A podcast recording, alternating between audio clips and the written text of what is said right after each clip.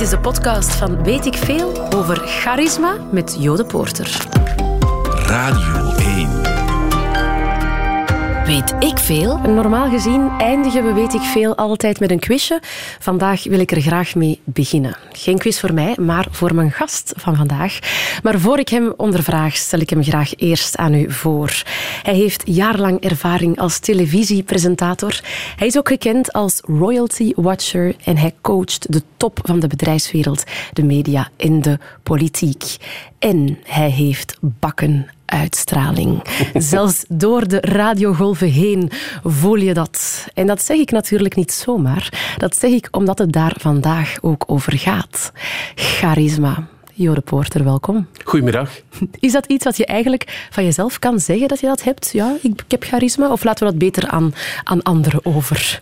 Uh, charismatische mensen zijn mensen die vooral niet zeggen dat ze zelf uh, charisma hebben, maar die hard bezig zijn om te zorgen dat anderen dat over zichzelf, uh, over, over hen zeggen. Dus als je het over jezelf, het is net als je zegt over jezelf dat je eerlijk bent en spontaan en dat soort dingen. Dan het is, het... beter dat het door iemand anders op de radio gezegd wordt, zo rond, rond het middaguur.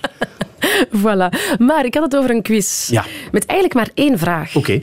Ik heb als voorbereiding op dit thema zo een beetje lijstjes gegoogeld ja. uh, naar eh, de meest charismatische mensen aller tijden en de meest charismatische mensen ter wereld.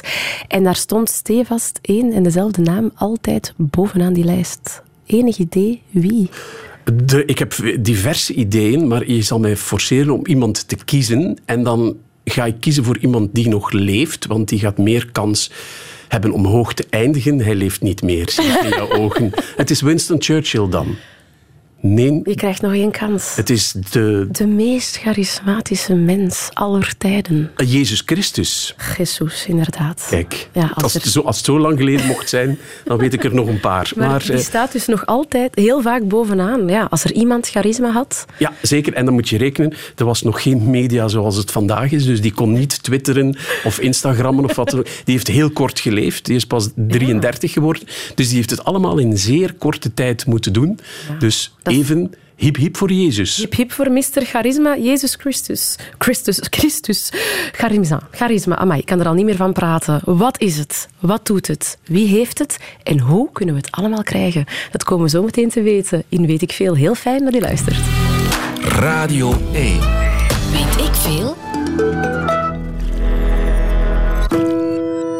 Groot was het probleem Matthews bij die ontsnapping. Uiteindelijk in de sprint raakte hij ingesloten.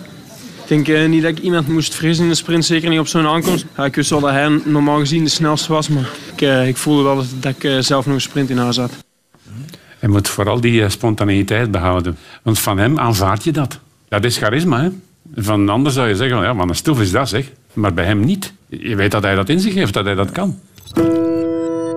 Michel Wuits over Mathieu van der Poel. Die zegt van hem aanvaard je dat, want hij heeft charisma.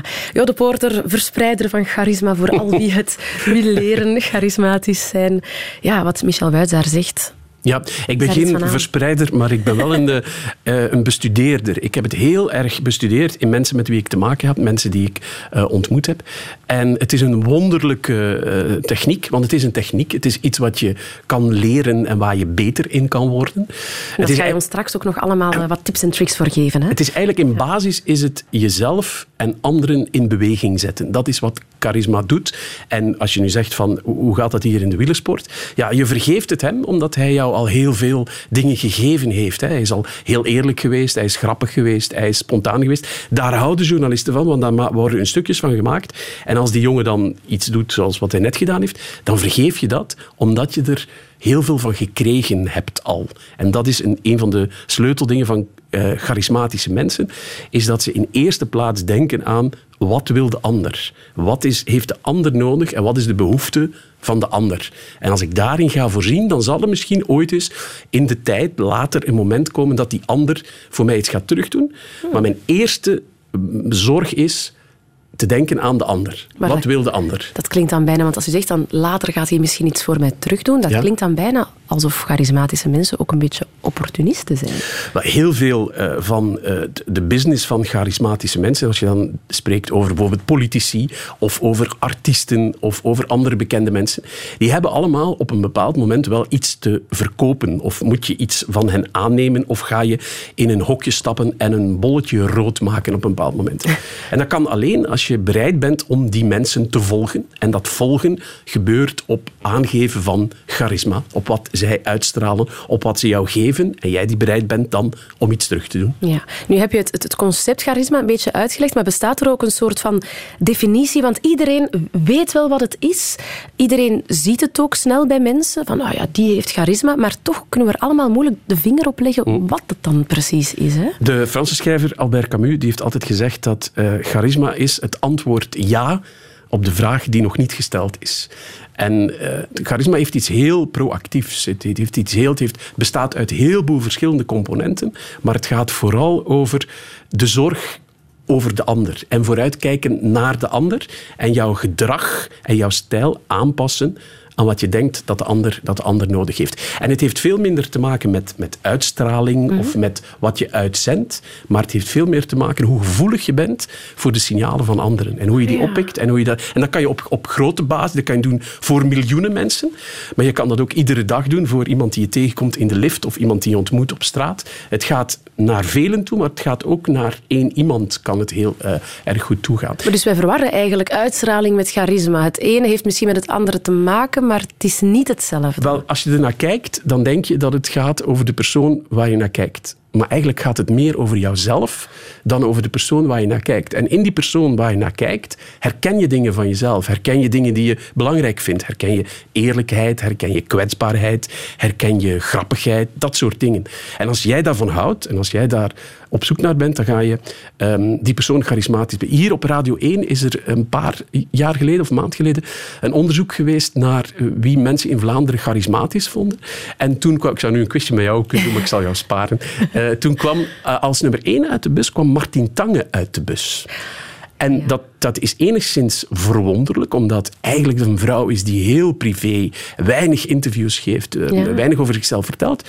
Maar het charismatische daarin zit, is dat die vrouw uh, twee belangrijke dingen doet. Die kwam toen bijna iedere dag bij de mensen thuis. Ja. Keek mensen recht in de ogen. Hè, ze was haar autocue aan het lezen, las die teksten af. Maar dat zag je niet in beeld. In beeld dacht je van, die kijkt mij recht aan en die is eerlijk. Die vertelt mij de waarheid. Ja. En ze doet dat op een duidelijke en heldere manier. En het is alsof ze, als je in de zetel zit, het ook tegen jou persoonlijk vertelt. Jou... Dus je voelt je aangesproken door Ja, haar. en ik weet, en mensen die, die Martien vaak op de redactie bezig gezien hebben, weten dat ze van s ochtends vroeg tot s avonds laat zat te slaven en te schaven aan die teksten mm. om die zo compact, helder, doordringend, impactvol mogelijk te maken. En dan ging ze daar s'avonds in dat mantelpakje zitten. En toen keek ze mensen recht in de ogen en toen zei ze hoe het in elkaar zat, hoe het was. En dat is charisma. Maar dus eigenlijk, als ik het een beetje goed begrijp, het, het gevoel dat je krijgt van een charismatisch persoon is dat hij oprecht is, dat hij ja. ook misschien belangstelling toont voor jou, interesse met jou wil bezig zijn. Is ja. het dat? Belangstelling is misschien wel de belangrijkste sleutel. En in 2015 heeft Jane Fonda, de Amerikaanse actrice, haar biografie geschreven, My Life So Far. En die zegt daarin dat het, het, de allergrootste sleutel naar mijn succes, en ze heeft ook wel eens een Oscar gewonnen en een paar dingen uh, betekend, is niet dat ik interessant was in mijn leven, maar dat ik geïnteresseerd was. Dat ik belangst en dat als je het woord uit elkaar trekt, ja. belangstelling. Ik geef belang aan jou. Ik geef waarde aan jou. Ik zeg, ik laat jou voelen dat je iets te betekenen hebt. En mensen die dat kunnen, die hebben de sleutel in handen voor heel veel dingen. Goede dingen, maar ook slechte dingen.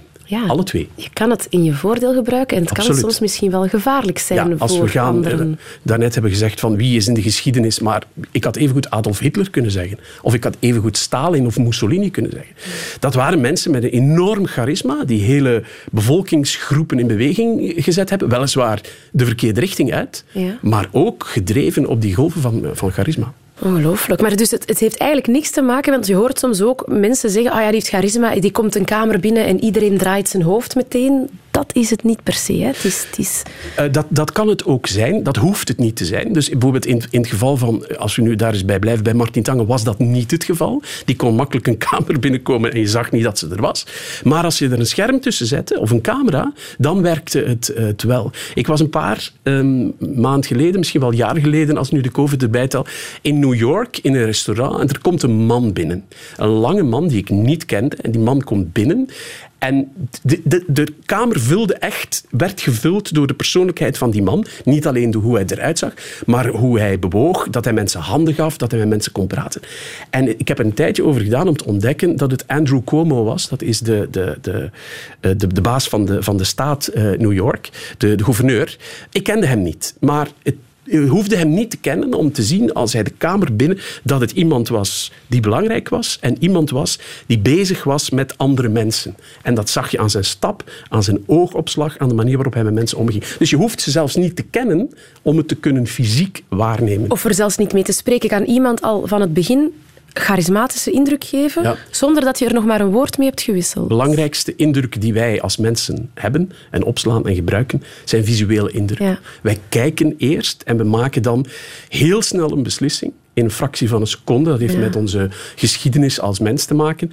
Of we die goed gaan vinden of niet. Of we daar iets van gaan geloven of niet. Of we die gaan vertrouwen of niet. Want je moet weten, wij stammen, en dan ga ik terug naar even een stukje prehistorie op dit moment.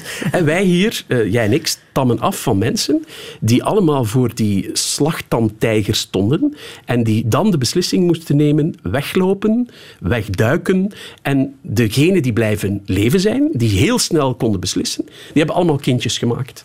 En van al die mensen, van al die kindjes, stammen wij af. Dus wij stammen genetisch af van mensen die, heel, die geselecteerd zijn op heel snel een beslissing nemen. En die beslissing wordt in hoofdzaak genomen op wat we zien. Wat zien we? Is het gevaarlijk? Zal ik lijden? Zal ik sterven? Moet ik vechten? En doordat we daar genetisch op geselecteerd zijn, bepaalt het vandaag hoe sterk je daar ook tegen vecht en denkt van wat heeft ze een goed karakter? Wat heeft ze veel gestudeerd? Toch blijft het kijken en heel snel beslissen. What is this about? When people say I'm not authentic, what you see is what you get. I mean, I'm sorry if I'm not, you know, brilliantly charismatic on TV, but I am the same person I've always been. And going through this gauntlet of unbelievable obstacles, you know, yeah, I mean, you, you know, you get scarred up a little bit.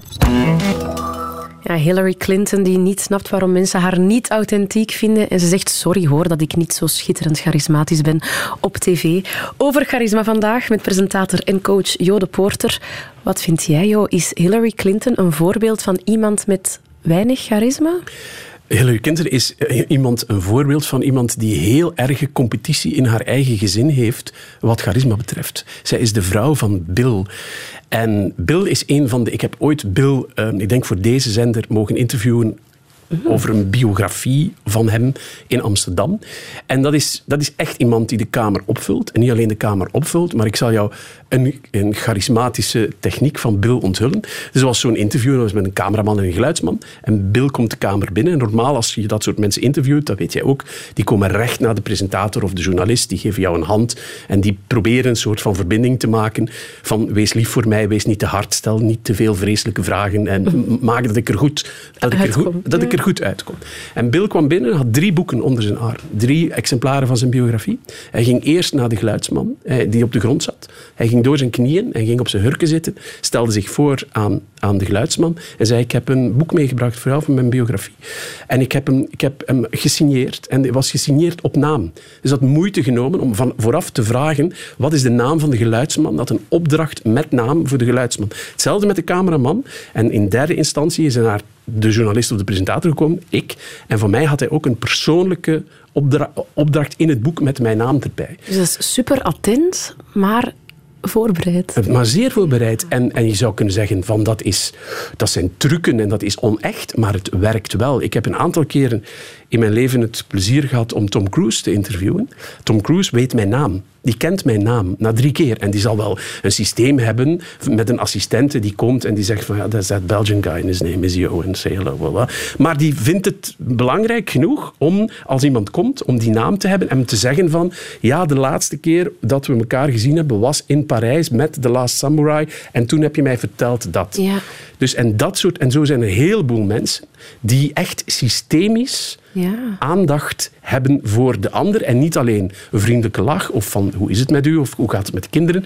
Maar dingen weten, eh, research doen, dingen meebrengen, dingen voorbereiden, dingen klaar hebben. En het werkt altijd. Want die, die, ik heb nog nooit een cameraman, een geluidsman zo blij en zo verguld in de auto naar huis weten rijden terug naar België met een aan hen opgedragen boek van Bill Clinton. En dat is de magie van mensen die hoog charismatisch zijn. Ja, en is het dan eigenlijk, want je zegt ehm, het is misschien niet super echt omdat het natuurlijk voorbereid is Ja. en ze doen het met voorbedachte raden, maar is dat eigenlijk erg dat dat dan niet zo echt is? Het is, het is ook wel echt, hè? Alleen Ja. het, is, het is dubbel. Heel veel dingen die wij doen in het leven, een, een, een rijexamen, iets anders, bereiden we allemaal voor. Is het echt? Je kan ook zonder rijopleiding in een auto gaan zitten en zien wat er gebeurt. Dan zeggen we, zo ben ik, dit is echt. Ik ga tegen u tegen een paaltje rijden, maar ik ben echt. Dus voor heel veel dingen bereiden we voor. Heel veel dingen leren we uit ons hoofd. Heel veel dingen ja, zorgen we dat het in orde is voor we eraan beginnen. Dat is vaak met charisma ook het, ook het geval. En om terug te keren op Hillary. Hillary is heel charismatisch, maar heeft natuurlijk binnen haar gezin heel zware competitie. Ja. En eh, dat heb je ook gezien eh, in, in de tijd. eh, Prins Charles is niet oncharismatisch, maar die liep naast prinses Diana. En dan heb je natuurlijk, ja, dan, eh, dan, wordt, het, dan wordt het lastig. Ja, die wordt dan volledig weggeduwd Ja, natuurlijk. Er is een grapje wat hij toen maakte. Als zij er niet bij was, zei hij aan de mensen van ja, ze is er niet bij voor vandaag, je krijgt je geld terug. Leuk, droge humor, die man. Ehm, want dat, dat vroeg mij eigenlijk af. Als, als, als, want Hillary Clinton excuseert zich bijna voor het feit dat ze niet brilliantly charismatic is. Is dat iets dat we moeten zien als een belediging als we zeggen, jij hebt echt geen charisma? Eigenlijk is het veel erger dan dat. Kijk, het wordt nu op charisma gegooid, maar wat, wat Hillary zegt, is er zijn mensen die mij niet leuk vinden. Ja. En dat kan. Je kan Hillary Clinton niet leuk vinden. Je kan haar ideeën niet leuk vinden. Je kan haar standpunten niet leuk vinden. Je kan het feit dat ze zo opgewekt en, en vrolijk doet en nogal luid spreekt, kan je vervelend vinden. Maar je kan daar ook van houden. Hè. Als je in die tijd in Amerika kwam, dan had je eh, Hillary-haters en Hillary-lovers. Dat zegt niets over het charisma. Dat zegt over een bepaald soort persoon die je leuk of, of niet leuk vindt. Dat heeft met persoonlijke smaak te maken. Dat is zo. Hebben, hebben charismatische mensen, wat hebben charismatische mensen eigenlijk allemaal met elkaar gemeen? Zijn er zo van die kenmerken, lijstjes, ja, die je bij zijn- iedereen kan afvinken? Ja, wa- wacht. Er is iets wat ze gemeen hebben. Ehm, heel veel echt succesvol charismatische mensen zijn niet van oorsprong charismatisch, zijn niet van nature charismatisch, maar ze hebben gezien dat dat iets is wat werkt, wat voor hen kan werken en waar ze iets mee kunnen bereiken, waar ze mee kunnen op het publieke forum bewegen en resultaat mee halen. Dus je ziet, als je kijkt naar een lijstje van mensen die wij allemaal charismatisch benoemen, dat gaat van Obama naar een Winston Churchill, naar een, een Diana, naar Lady Gaga. Ja, we linken het altijd aan celebrities, ook wel, hè? en bekende mensen, zijn- succesvolle mensen. Ja. Het is, het is een graadmeter van iets wat we kennen, iets wat we niet kennen, kunnen we niet meten. Dus het gaat altijd over, eh, over bekendheid en een, een relatie hebben met, ook al kennen we ze niet, maar een relatie hebben met die personen. En dan zie je dat heel veel van die mensen, en dat gaat tot zelfs 90% van die mensen die hoog charismatisch zijn, noemen zich in oorsprong timide en verlegen. Maar hebben op een bepaald moment gezien vanuit hun functie dat ze dat moeten doen, of vanuit andere overwegingen dat ze dat kunnen doen. Ze zien dat het werkt, dat het hen zelf op hun gemak stelt, maar vooral dat het anderen op hun gemak stelt. Als je, ik maak de vergelijking vaak, omdat mensen die twee heel goed kennen, tussen koning Filip en koning Willem-Alexander. En koning Filip brengt meestal, en de man kan er ook niet aan doen, maar brengt meestal ongemak mee als hij ergens komt. Die, is, die staat in een, in een hoekje en die, die is een beetje verkrampt. En die... Willem-Alexander, als je die ontmoet, of als die tussen de mensen gaat, die brengt gemak mee. Als mensen aan hem vragen, zeker in het begin van zijn regeerperiode, van hoe zullen we jou noemen? Eh, koning, majesteit, Willem, dan zei hij, maakt mij niet uit. Noem je mij Willy, Alex, meneer, hoi, hallo. Dat maakt dat mensen enorm op hun gemak zijn, enorm kunnen openbloeien, enorm zichzelf kunnen zijn in de buurt van iemand die een bepaalde functie of titel heeft. En dat zijn twee dezelfde functies. Het zijn allebei koningen, het zijn allebei staatshoofden, maar het is een andere manier om met uh, charisma om te gaan. En de sleutel daar is inspanning. Ja. Hoofdstuk 2. Werken aan uitstraling. Wees vooral jezelf. Om charisma te hebben hoef je niet extrovert te zijn. Maar een zekere mate van zelfvertrouwen is wel noodzakelijk. Het probleem is, bij mij werkt dat dus niet. Hè? Het ding is, ik heb ook zo'n muil. Zijn er nog met zo'n muil? Je weet wat ik bedoel, hè? dat je zo ergens binnenkomt en mensen reageren met... Oei, is er iets? Ja, Xander de Rijke, die dus uh, zijn muil verwijt dat dat uh, een tegenstribbelaar is van zijn charisma. Ja, ah, is dat iets? Heeft het ook wel te maken met wat je uitstraalt? Of kunnen mensen met een muil, zoals Xander de Rijke zegt, ook wel charismatisch Zeker, er zijn heel veel mensen met een muil. We hebben het al over... Um, uh, Winston Churchill gehad bijvoorbeeld, dat was geen uh, fotomodel. En zo zijn er nog... De Dalai Lama is geen fotomodel. Uh, maar die lacht wel vaak. Maar die, die ziet er vredig uit, vreedzaam Maar uit. het helpt, en wat heel erg helpt, is mooi kan mooi, kan een rol spelen, maar een regelmatig en symmetrisch uiterlijk hebben, waar mensen niet te lang moeten zoeken van hoe zie jij eruit, wie ben jij, als het, als het regelmatig is. Regelmatig is al voldoende, maar het gaat vooral met wat je met dat gezicht doet en, en hoe je dat gezicht gebruikt. En de woorden en de daden. Daar gaat het om. Oh, die liefde is omdat hij zo'n charisma heeft, zo'n zo uitstraling heeft, zo'n lieve mens is. Ja, het is geen simpel woord. Charisma. Jo Porter, coach en ervaren televisiepresentator, vandaag de gast over charisma.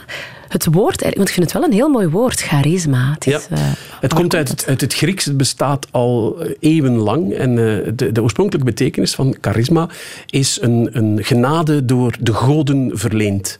De eerste Griekse goden die waren met veel. En het was iets wat over jou uitgestrooid werd bij geboorte of later in het leven. En dan kon je het vanzelf. Dat is ook een overtuiging die nog altijd bestaat. En in de Bijbel wordt het ook gebruikt. Bij Paulus vind je het vaak. En dan gaat het natuurlijk over iets dat door God verleend is. En waar je bijvoorbeeld ziektes mee kan genezen. Of je kan in tongen spreken als je charisma hebt. Het beduidt altijd dat je een, een, een vaardigheid, een talent, iets hebt. Dat er iets over jou ligt waar je dingen mee kan veroorzaken. Een, gift van God eigenlijk. Waar je dingen mee kan realiseren. Daar komt het altijd op neer. Maar ja. er wordt heel vaak gedacht dat het een geschenk of een cadeau of iets is wat je krijgt. En dat is een grote misvatting, want het is vooral iets wat je doet en wat je leert en wat je oefent en wat je aanscherpt en waar je beter in wordt. Dus de, de, de opmerking van ja, charisma, je hebt dat of je hebt dat niet, nee, dat, dat klopt niet dat, volgens jou. Nee, en het leuke daaraan is, bedoel, er zullen wel mensen zijn die aanleg daarvoor hebben. Maar met aanleg, je hebt heel erg aanleg voor bruine ogen, maar voor de rest is het wat je kijkt en hoe je kijkt en wat je daarmee doet met die ogen en wat je leest en, en wie je aankijkt en hoe je dat doet. Um, charisma is vooral iets wat je kan. En dat is het hele goede nieuws.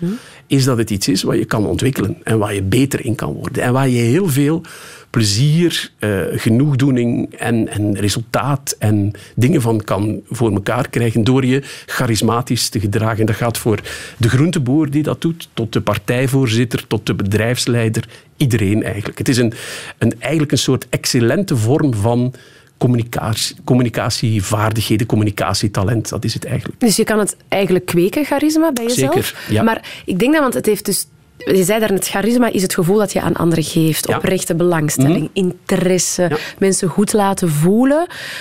Dat zijn toch ook wel dingen die bij de ene mens al meer in het karakter zitten dan bij de andere. Dus mensen die zo al helemaal niet zijn, Mhm.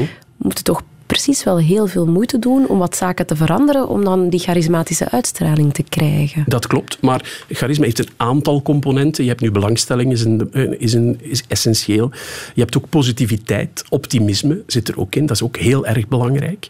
En helderheid zit er ook in. En als je een van die drie dingen, als je ze alle drie kan, is het hoera hoezee. Maar als je een van die drie kan of wil oefenen of in proberen, dan ga je ook al heel erg veel stappen vooruit kunnen zetten in die richting. En het is een hele aangename... Mensen houden van charismatische mensen. Mensen vinden het leuk dat iemand belangstelling heeft. Mensen houden van anderen die stralen. Dus je kan daar alleen maar ehm, eh, goed mee doen, tenzij je het als, als kwaadwillig wil gebruiken. Maar in principe is het voor de persoon zelf en zeker voor de omgeving alleen maar extra pluspunten. Maar is het iets meetbaar eigenlijk? Is het gebaseerd op objectieve criteria of kan het zijn dat ik iemand super charismatisch vind waarvan jij denkt, totaal niet? Het is niet exact meetbaar, maar je kan het meten in, in de politiek kan je het meten in populariteit, in of iemand zoveel stemmen eh, achter zijn naam kan zetten. In de zakenleven kan je het eh, meten in eh, verkoop of in, in zakelijk succes. In geld kan je het afmeten. Je kan het in vriendschappen afmeten, je kan het in populariteit afmeten. Er zijn een aantal meetbare dingen waar je het kan aan vaststellen, maar het is niet zo'n soort objectief getal waarbij je kan zeggen die heeft negen charisma op tien. Ehm, wat, wat, wat het wel mee te maken heeft, en wil ik willen aanstippen, dat het wel te maken heeft met de persoonlijke smaak van de beoordelaar. Dus als je naar iemand kijkt en je houdt niet van een bepaald genre. Ik heb twee voorbeelden uit de politiek die ik vaak noem. Uh, Raoul Hedebouw, communist. en, uh, ja, Tom, PvdA, ja. en Tom van Grieken, geen communist. Nee. En dat zijn allebei... Uh, versus PvdA. Ja, ja, en dat zijn allebei extremen. Hè. Dat zijn allebei zeer talige, zeer, zeer, zeer uh, extraverte, zeer charismatische personen. Maar als je uit die ene hoek komt, dan ik, ik merk dat mensen het heel moeilijk vinden die anti Vlaams Belang zijn, om Tom van Grieken charismatisch te noemen. En ook omgekeerd, mensen die uit een rechterhoek komen, die vinden het heel erg moeilijk om te zeggen dat bepaalde heel linkse types, dat die charismatisch zijn. Dus het heeft te maken met waar hou ik van, wat vind ik goed, en straalt het. En sommige dingen stralen als ik weet niet wat, maar ja, je houdt er niet van. Dus dan is het moeilijk, want charisma is ook een soort positieve beoordeling van iemand. Van, jij bent charismatisch, ik vind jou leuk. Ja. En er zit ook een oordeel in. Dus dan, in, in dat opzicht kan het zijn dat Hillary Clinton door heel veel Amerikanen niet charismatisch wordt gezien, omdat ze niet van die vrouw houden. Ja, of bijvoorbeeld, ik kan heel veel mensen bedenken die ik wel uh, lief vind en interesse tonen in mijn leven en belangstelling en, en, en zo, en mij een warm gevoel geven, maar die ik dan toch niet meteen zou bestempelen als charismatisch. Ja, en het, is, het gaat om, uh, zijn die mensen in staat om jou in beweging te zetten. Ja. Ga je voor die mensen, uh, mogen die mensen jou opbellen om vier uur s'nachts? Ga je voor die mensen iets doen? Op het moment dat dat, en dat speelt, dat je dat voor elkaar krijgt, dan kan je over charisma spreken. Als je, ik ben een boek aan het schrijven over uh, koningin Elisabeth van Engeland, die in februari 70 jaar op de troon zit. En um, het boek gaat over uh, Elisabeth en ik benader haar via sleutelfiguren uit haar leven. En ik heb een volledig hoofdstuk dat gaat over Diana. Diana die in de brandpunt van de belangstelling komt als 19-jarig meisje en onwennig is en ongemakkelijk is en niet kan spreken, zich niet kan, nauwelijks tot aan haar auto geraakt om in te stappen, omdat ze zo verlegen is. En zich op een paar jaar tijd ontwikkelt tot een mensenrechtenactiviste. Een, een, de meest beroemde vrouw ter wereld en ook een van de meest geliefde vrouwen ter wereld. En dat heeft ze zichzelf met vallen en opstaan. Want wat ik laat zien in het boek is dat iedere dag, iedere ochtend ging Diana zitten, boog zich over de kranten en keek hoe sta ik erin? Hoe zien ze mij?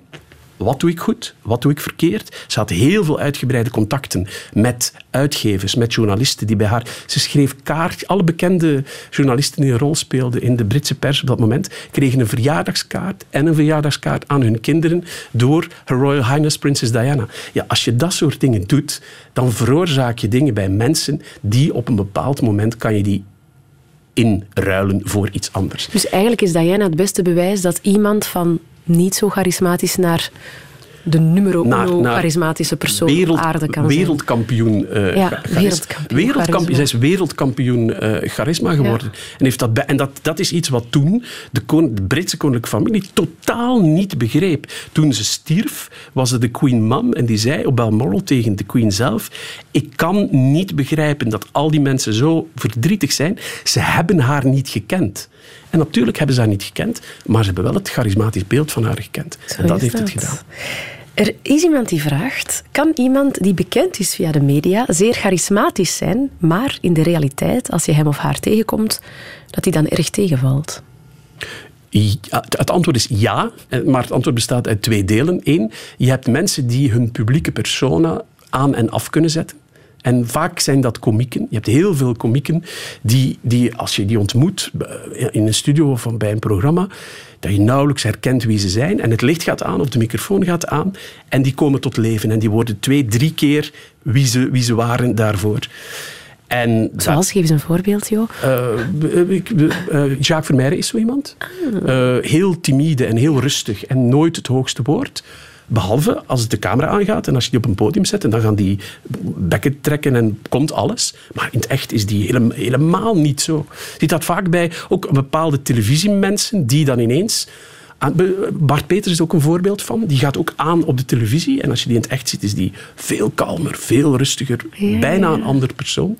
En dat is dan een, een charisma dat specifiek door een camera uh, wordt, wordt opgepikt. Ja. Maar het bestaat wel. En je kan ook gewoon mensen niet leuk vinden. Dat kan. Hè. Je kan heel charismatische mensen niet leuk vinden. Radio 1. Weet Vandaag over charisma met Jode Poorter. En uh, uh, we hebben, ik heb nog heel veel vragen voor jou, maar ik wil even, even toch nog wat vragen van luisteraars tussen gooien. Iemand die vraagt, kunnen mensen die vaak te horen krijgen dat ze charisma hebben, daardoor wat narcistisch worden of negatieve trekken krijgen door die aandacht? Dat gevaar bestaat, maar omdat charisma zo vaak zo gericht is op de ander en op, de, op de, de, de, degene met wie je communiceert, is dat heel erg moeilijk. Er is um, een prachtige documentaire die op uh, streams wordt uitgezonden, of die op streams kan bekijken, gaat over Obama.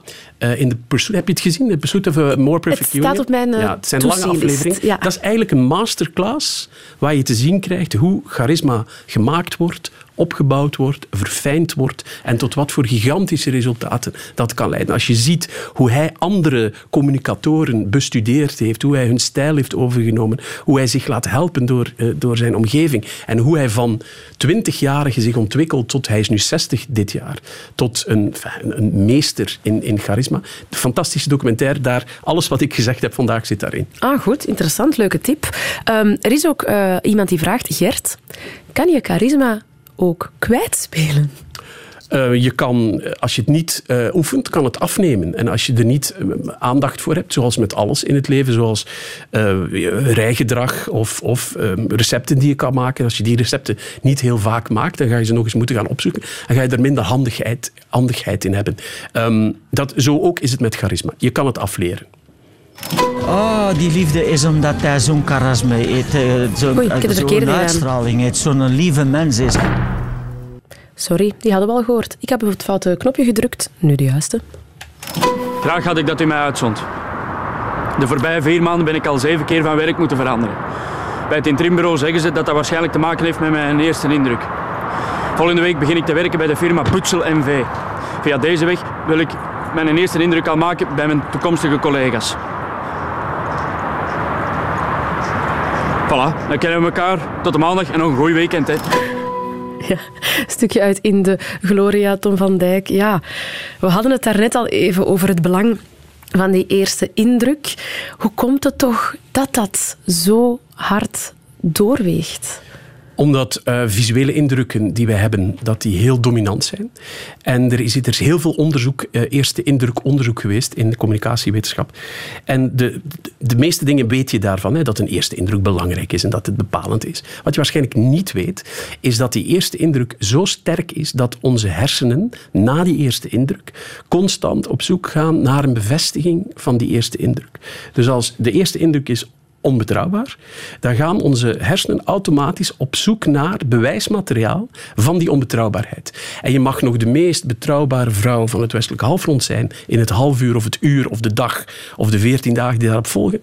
Wij zijn vastberaden om jouw onbetrouwbaarheid bloot te leggen. En dat is heel ingrijpend, heel onrechtvaardig, heel oneerlijk van een eerste indruk. Maar het zit wel zo in elkaar. Ik, zit, maak af en toe deel uit van uh, selectiecomité's, waar, je dus met, waar mensen gekozen worden, zoals die sketch die, wat, wat je daarnet hoorde. En dan moet ik tot in alle eerlijkheid toegeven dat het soms gebeurt dat iemand door de deur naar binnen komt en gaat zitten op de stoel en dat het dan al ja is. Of nee. Kijk, de mensen die door die deur naar binnen komen, die hebben allemaal dezelfde diploma's en die zijn op, op zich zijn die allemaal uh, geschikt voor waar ze voor komen. Maar dat toch in professionele context mensen beslissen op Hoe loopt die? Hoe gaat die zitten? Kijkt hij mij aan? Kijkt hij me niet aan? Is die verzorgd of niet? Eh, wat heeft hij aangetrokken vandaag? Ja. Eerste indruk. Essentieel. En als je dat weet, als je ervan doordrongen bent dat dat bestaat, dan kan je daar dingen aan doen. Want hè, je hebt je haar gekamd voor je in de studio, je hebt een, een net blouseje aan, je hebt, enzovoort daar heb je allemaal, daar ben je mee bezig geweest, vanochtend, vorige week, daarnet. Die maken dat, wat ik nu zie hier van jou, dat dat een beeld is wat jij mee uh, veroorzaakt hebt en waar je mee bezig geweest bent, actief. En dus een goede eerste indruk achterlaten, dat hebben we zelf in de hand een beetje. je, hebt, je kan natuurlijk uh, je lichaamslengte en, en een heleboel andere dingen heb je niet in de hand. Maar hoe je die dingen presenteert en hoe je die dingen verzorgt en wat voor aandacht je hebt voor vorm en inhoud, dat is heel erg belangrijk. Je, ik, ik ben er zeker van dat jij Angela Merkel nooit in een trainingspak gezien hebt. Heb je haar ooit in een trainingspak gezien? Ja, af en toe als wij zo privé afspreken onder elkaar. Nee, ik heb haar nog nooit in een trainingspak gezien. Die heeft een mantelpakje aan. Die heeft een rokje aan en een jasje. En dat is de, de dresscode van het, van het leiderschap. En als je die... In, ik heb ooit eens op, op televisie Obama gezien in een korte broek en een polo, terwijl hij op vakantie was. En dat is de kleding die mensen aandoen als ze op vakantie zijn. En ik was helemaal in de war. Want ik dacht, dat is de, de leider van de westerse wereld. En die, die ziet er helemaal niet zo uit. En dan betrap je jezelf op dat je daar heel erg mee bezig bent en dat je daarnaar kijkt. Maar dat doen we allemaal. We doen dat allemaal. Ja. En de bewustwording van het feit dat je dat doet, kan je helpen in voor jezelf en voor anderen een sprong voorwaarts te maken. En zorg dat die eerste indruk niet goed of slecht is, maar zorgen dat die is zoals jij wil dat die is. Dat is, dat is essentieel. Jo, we hebben helaas nog maar een dikke anderhalve minuut. We moeten ook nog die quiz doen. Maar ik heb nog een snelle vraag die ineens in me opkomt. Hebben charismatische mensen het ook makkelijker met uh, vrienden maken, met daten, een lief vinden op het werk? Of is dat niet precies zo? Charismatische mensen hebben het in alles makkelijker. Hm. Behalve in de inspanning die ze moeten doen om charismatisch te zijn, wat anderen nalaten om te doen. Maar charismatische zijn voor op alle andere mensen. Wij houden van charismatische mensen. We willen in hun buurt zijn. We willen bevriend zijn met hen. We willen een relatie hebben met hen.